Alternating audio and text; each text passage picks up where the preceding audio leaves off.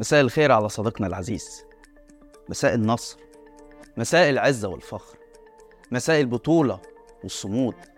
مساء العزيمة والإصرار. مساء الانتصار.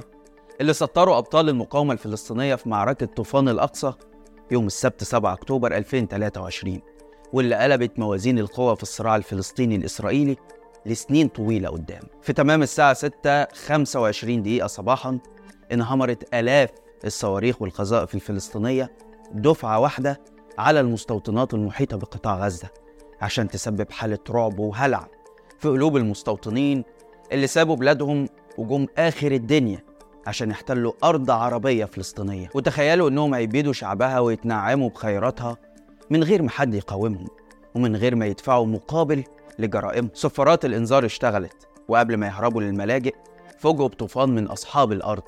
بيجتاحوا المستوطنات برا وبحرا وجوا وبيخترقوا السياج الأمني في مفاجأة غير متوقعة وحدث غير مسبوق. ساعات طويلة عدت قبل تحرك قوات الاحتلال ووصولها للاشتباك مع المقاومة وده لأن الصدمة كانت أقوى من تخيلاتهم. إضافة بقى لأنهم كانوا في أجازات الأعياد اليهودية وده اللي بيخلي سيناريو الحرب دي يشبه إلى حد كبير حرب أكتوبر 73 لما المصريين استغلوا عنصر المفاجأة وعبروا خط بارليف اللي كان بيشاع إنه منيع وهزموا الجيش اللي كان بيشاع برضه إنه لا يهزم. الفلسطينيين وبعد خمسين سنة بالتمام والكمال كرروا المعجزة وأحيوا الأمل في الأمة العربية والإسلامية. وأكدوا أن تحرير فلسطين مش حلم بعيد المنال وأن إمكانيات بسيطة قادرة تهزم كيان وجيش بلا عقيدة. القبة الحديدية فشلت في مواجهة الصواريخ اللي كان دورها التغطية على الاجتياح البري اللي كانت نتيجته المبدئية كانت تحرير الفلسطينيين جزء من أراضيهم وسقوط مئات القتلى والأسرى الإسرائيليين. لو عايز تتخيل حجم الإنجاز العسكري اللي حققه الفلسطينيين فالأرقام الإسرائيلية في أول يومين ولحد تصوير الحلقة بتقول إن عندهم ألف قتيل و150 أسير. تخيل إن حرب أكتوبر عدد قتلى إسرائيل في أول أسبوعين للحرب كان 2800 قتيل و300 أسير. عشان كده ده أسود يوم عدى على دولة الاحتلال من سنوات طويلة. والهزيمة الأقصى ليهم في آخر خمسين سنة. حكومة نتنياهو أعلنت حالة الحرب وبدأت تشن غارات انتقامية على قطاع غزة في محاولة منها للتغطية على الفشل الاستخباراتي وكسب بعض الوقت قبل التفكير في خطواتها الجاية. وده لأن المقاومة الفلسطينية يبدو إنها جاهزة لحرب طويلة المدى. كمان معاها النهاردة عدد كبير من الأسرى تمنهم هيكون غالي جدا. بدليل إن نتنياهو عين واحد اسمه غالي قرش مسؤول عن ملف المخطوفين والمفقودين في غزة. وكلنا فاكرين جلعاد شليط اللي تم مبادلته بأكتر من ألف أسير فلسطيني منهم يحيى السنوار اللي النهارده هو واحد من قادة الحرب في كتائب القسام. يعني الأسرى اللي موجودين دلوقتي مؤكد هيكونوا بوابة لحرية آلاف الأسرى الفلسطينيين اللي بعضهم بيقبع في سجون الاحتلال من عشرات السنين. إزاي طوفان الأقصى غيرت معادلة الصراع؟ ويا ترى إيه المكاسب اللي حققتها المقاومة؟ لحد دلوقتي. ده اللي هنحاول نعرفه معاكم في حلقة النهارده. بس قبل ما نبدأ يا ريت تشاركوا الحلقة مع أصحابكم ولو حابين تدعموا المحتوى اللي إحنا بنقدمه اعملوا اشتراك في القناة. أنا عبد الرحمن عمر وده برنامج الحكاية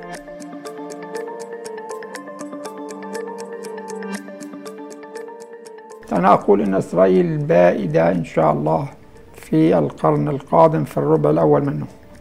وبالتحديد أنا بقول 2027 بتكون إسرائيل مش موجودة. القرآن حدثنا أن الأجيال تتغير كل 40 سنة. في الأربعين الأولى كانت عندنا نكبة في الأربعين الثانية بدأت عندنا انتفاضة ومواجهة وتحدي وقتال وقنابل. في الأربعين الثالثة تكون النهاية إن شاء الله تعالى. أهلا بيكم. من شهر واحد بس رفع نتنياهو في الأمم المتحدة خريطة مكتوب عليها الشرق الأوسط الجديد. المفاجأة إن الخريطة ما كانش فيها أي مكان لدولة فلسطين. مفيش فلسطين. حتى مناطق الضفة الغربية وقطاع غزة اتكتب عليها باللون الأزرق إسرائيل. وده كان في إطار احتفاء رئيس وزراء الاحتلال بمسيرة التطبيع مع الدول العربية واللي قال عنها فكرة معبرة جدا وهي إنهم كإسرائيل اكتشفوا إنهم كانوا مخطئين بافتراضهم إن السلام مع الفلسطينيين يسبق أي سعي للسلام مع الدول العربية. يعني من الآخر كده إحنا نقدر ندوس على حقوق الفلسطينيين ونتغاضى حتى عن وعودنا بحل الدولتين والعالم ممكن يصهين على جرايمنا دي بل وكمان الدول العربية هتتحالف معانا وده اللي قرره تاني وهو بيتكلم عن مشروع الممر الاقتصادي اللي هيربط الهند بأوروبا مرورا بدول الخليج ودولة احتلال وكان بيستعرضه وهو مبسوط وفخور قوي إنه هيعمل مشاريع استراتيجية مع دول عربية كانت في صف العداء لكيانه المحتل لسنين طويلة החזון הזה מתחיל בהודו, עובר דרך איחוד האמירויות, ערב הסעודית, ירדן, ישראל, مجيئة لأوروبا. نسيب نتنياهو شوية ونروح لمارس 2023 خلال مؤتمر في باريس عرض وزير المالية الصهيوني المتطرف سموتريش خريطة لإسرائيل بتضم كامل أراضي فلسطين بالإضافة للأردن اللي احتجت رسميا وقتها. سموتريش كمان قال لا يوجد شيء اسمه الشعب الفلسطيني. ده وهم اخترعوا العرب لمحاربة الحركة الصهيونية وإن دي هي الحقيقة التوراتية اللي يجب أن يسمعها العرب واليهود المشككين في إسرائيل.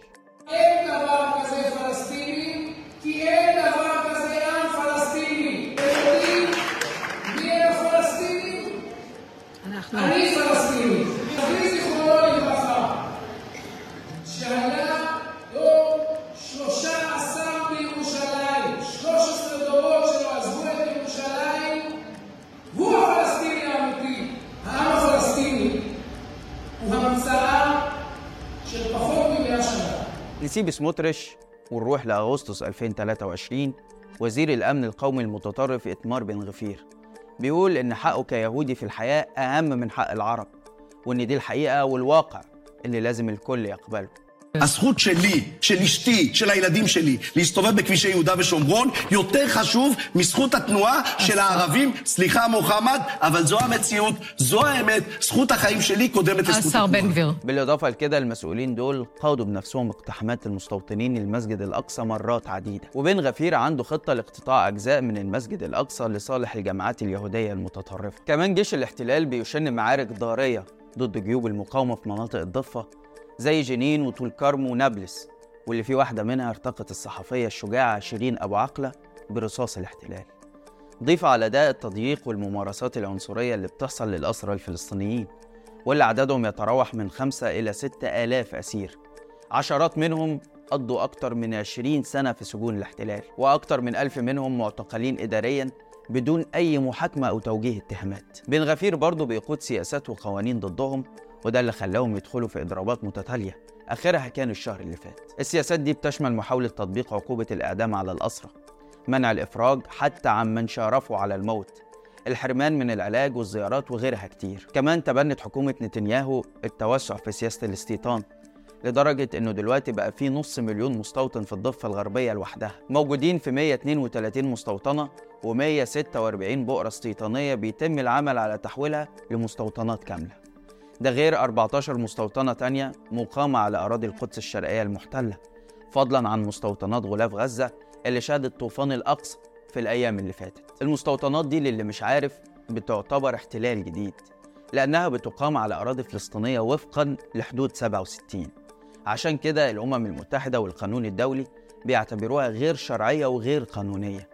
بس زي ما إحنا عارفين انت قدام كيان لا يعرف سوى لغة القوة وفرض الأمر الواقع. كل ده كوم وحصار أكتر من 2 مليون إنسان لأكتر من 16 سنة في قطاع غزة اللي مساحته 360 كيلو متر مربع كوم تاني ومأساة تانية. ده فضلا عن الحروب اللي شهدها القطاع على مدى السنوات دي واللي راح ضحيتها آلاف الفلسطينيين. الحوادث اللي بحكيها لك دي حاجة بسيطة جدا.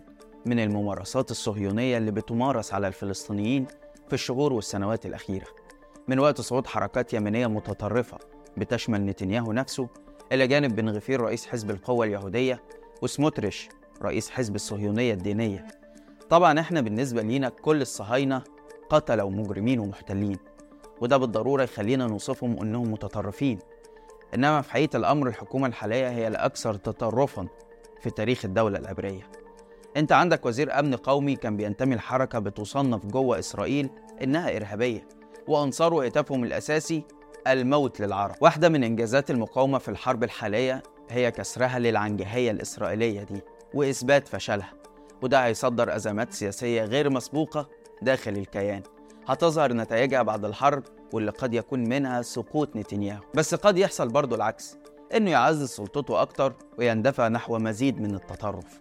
وفي الحالتين ده في مصلحة الشعب الفلسطيني على المدى البعيد. طوفان الأقصى كمان يا صديقي العزيز ضربة قوية لقطار التطبيع العربي واللي كان آخر ركابه ولي العهد السعودي محمد بن سلمان اللي اعترف بنية المملكة إقامة علاقات رسمية مع دولة الاحتلال لأول مرة في التاريخ. مش محتاج أدلل على كون مسار التطبيع ده معاكس تماما لرغبات الشعوب العربية اللي تقدر بسهولة تقيس توجهاتها من ردود الفعل تجاه الحرب الأخيرة. في مصر مثلا فرد شرطة اسمه محمد عبد المجيد من قوة تأمين عمود السواري في الإسكندرية فتح النار على سياح إسرائيليين وقتل اتنين منهم بعد ما أصروا يتصوروا بعلم دولة الاحتلال. محمد اللي غالبا كان متابع الحرب والأحداث في فلسطين حاول يمنعهم لكنهم ما استجابوش لطلبه أكتر من مرة ودخلوا في مشادة معاه كانت نهايتها إطلاق النار عليه. وده يفكرنا بالمجند محمد صلاح اللي في 3 يونيو اللي فات وفي حوالي الساعة 4 ونص الفجر مشي مسافة 5 كيلو متر داخل الأراضي المصرية قبل ما ينجح في اجتياز السياج الحدودي مع دولة الاحتلال بعد ما استخدم سكين الطعام في فتح معبر طوارئ مخصص لعبور القوات الإسرائيلية إلى الأراضي المصرية. صلاح اشتبك مع ضابطين من جيش الاحتلال وقتلهم. بعدها كمان من الساعة 6 صباحا لغاية الساعة 12 الظهر تقريبا لما توجهت قوة إسرائيلية للمنطقة بحثا عن الضابطين اللي اتقتلوا. وهنا محمد اشتبك معاهم وقتل جندي ثالث قبل ما يرتقي شهيدا. لا نسمح بأن أرضنا تشكل قاعدة لتهديد جيرانها أو منطقة خلفية لهجمات ضد إسرائيل. الله يرحمه سيادة المشير. قلت له يا فندم إحنا ممكن تبقى في مشكلة كبيرة جدا لو الأمر استمر كده لأن هم ممكن يعملوا عمليات عبر الحدود ضد إسرائيل. أمن وسلامة المواطن الإسرائيلي جنبا إلى جنب مع أمن وسلامة المواطن الإسرائيلي. الإنجاز الثالث للمقاومة من الحرب دي هو حاجة بيسميها العسكريين معادلة الردع وده معناه باختصار إن الطرف الفلسطيني غير موازين القوة في الصراع وإسرائيل دلوقتي هتعمل حساب لأي خطوة جاية بعد كده. يعني مش هيكون سهل عليها تسيب المستوطنين يقتحموا الأقصى ولا هيكون سهل عليها تقتحم مدن الضفة ولا سهل عليها تمارس انتهاكاتها في حق الشعب الفلسطيني. لأنها بقت عارفة إن ممارساتها دي ليها تمن غالي مهما طال الزمن هيدفع. وبقت متأكدة إن الشعب الفلسطيني ما ماتش وقضيته ما انتهتش لأ ده شعب حي ومستعد يضحي بأغلى ما يملك في سبيل كرامته وحريته واستقلال بلده. الحرب أكدت لنا كمان نفاق العالم وازدواجيته وعرفتنا إن كل دولة بتدور على مصلحتها وده لأن الدول اللي بتؤيد حق الشعب الأوكراني في إنه يدافع عن بلده ضد الغزو الروسي. كتير منها واقف النهاردة في صف المحتل الصهيوني وبينكر حق الشعب الفلسطيني في الدفاع عن نفسه وأرضه اللي بيكفلوا ليه كل المواثيق الدولية. في النهاية الاحتلال مش هيعمل أكتر من اللي بيعمله الانتقام والقتل واستهداف المدنيين المحاصرين. وده اللي تؤكده خطوات زي قطع الكهرباء عن قطاع غزة وإرسال أمريكا حاملة طائرات اف 16 واف 35 لشرق المتوسط بهدف دعم الاحتلال. بس الأكيد إن خيارات إسرائيل محدودة. أولا بسبب الأسرى اللي سقطوا ثانيا بسبب خوفها من اتساع دايرة المعركة عشان تشمل جبهات ومناطق تانية. والأكيد كمان أن التوغل البري في قطاع غزة تكلفته هتكون غالية جدا. هزيمة إسرائيل المذلة وصورة جيشها اللي اتهانت للمرة التانية بعد خمسين سنة لا يمكن ترميمها في وقت قصير. عشان كده مشروع دولة الاحتلال كله أصبح في خطر. وده يخلينا نطمع إننا نعيش لليوم اللي نشوف فيه فلسطين حرة. بس كده. لحد هنا والحلقة خلصت. شارك الحلقة لو عجبتك وتابع حساب شباك وحسابي على الانستجرام هتلاقي اللينك في الوصف. واستنانا كل يوم اتنين وجمعة الساعة 8 بالليل بتوقيت القاهرة في حلقة جديدة من برنامج إيه الحكاية. سلام.